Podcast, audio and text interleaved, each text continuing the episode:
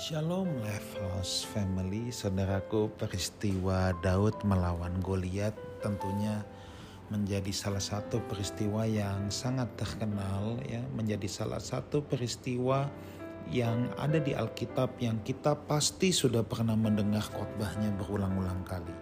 Tetapi pada kesempatan ini saya hanya ingin fokus kepada satu hal aja, yaitu tentang sudut pandang, tentang sudut pandang dalam satu Samuel pasal yang ke-17 saudara ya. Ketika bangsa Israel ditantang oleh Goliat, Goliat ini besar sekali, sangat kuat saudara. Nah dalam satu Samuel 17 ayat yang ke-33, tetapi Saul berkata kepada Daud, tidak mungkin kau dapat menghadapi orang Filistin itu untuk melawan dia sebab engkau masih muda, sedang dia sejak dari masa mudanya telah menjadi prajurit. Saudaraku, apa yang dikatakan oleh Saud benar atau tidak? Benar secara logika umum, benar secara fakta, saudara. Memang benar Daud bukan prajurit, memang benar Goliat dari muda sudah prajurit.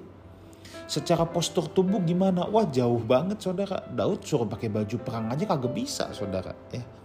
Sedangkan Goliat baju perangnya aja tidak bisa satu orang yang angkat. Coba bayangkan itu. Jadi apa yang Saul katakan itu fakta nggak? Fakta. Tetapi masalahnya Daud punya sudut pandang yang berbeda. Sudut pandangnya Daud itu bukan sudut pandang logika manusia semata. Ketika Goliat datang, Saul itu ketakutan. Kalau Daud justru melihat itu sebagai opportunity, saudara. Ya.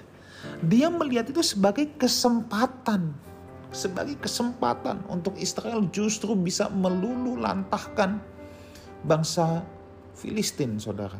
Ya, bayangkan saudara, Daud tahu nih kalau dia menumbangkan Goliat, dia cukup ngalahin satu orang, itu seluruh pasukan Filistin mundur pasti. Kalau tidak ada Goliat, coba kita bayangkan, kalau tidak ada Goliat, mungkin Israel mesti maju berperang dengan seluruh barisan Filistin dan korban jiwa mungkin akan jauh lebih banyak. Tetapi kalau dia bisa mengalahkan satu orang Goliat saja, itu udah nggak usah perang lagi. Semua tentara Filistin pasti akan morat marit, kabur semua saudara. Itu sudah pasti. Nah itulah sebabnya ya justru di sinilah ancaman Daud melihatnya sebagai peluang, sebagai kesempatan. Nah sekarang persoalannya gini, kenapa Daud bisa melihat dari sudut pandang yang berbeda. Ini ini bukan persoalan sekedar berpikir positif. Tetapi kuncinya ada di ayat yang ke-37. Pula kata Daud, Tuhan yang telah melepaskan aku dari cakar singa dan dari cakar beruang, dia juga akan melepaskan aku dari tangan orang Filistin. Nah, di sini saudara.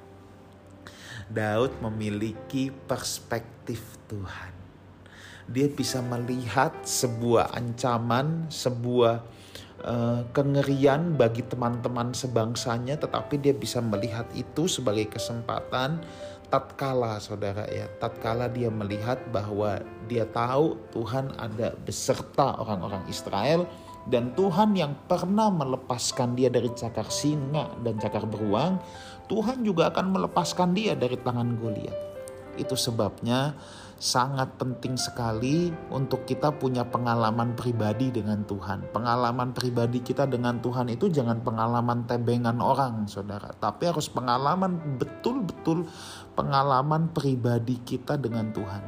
Begitu kita ada pengalaman pribadi dengan Tuhan, maka satu saat kelak kita bertemu dengan apa pun yang kelihatannya menakutkan, kita tidak akan takut lagi sebab kita tahu Tuhan yang pernah meluputkan kita, Tuhan juga akan menolong kita dalam segala situasi-situasi yang dianggap orang berbahaya lainnya.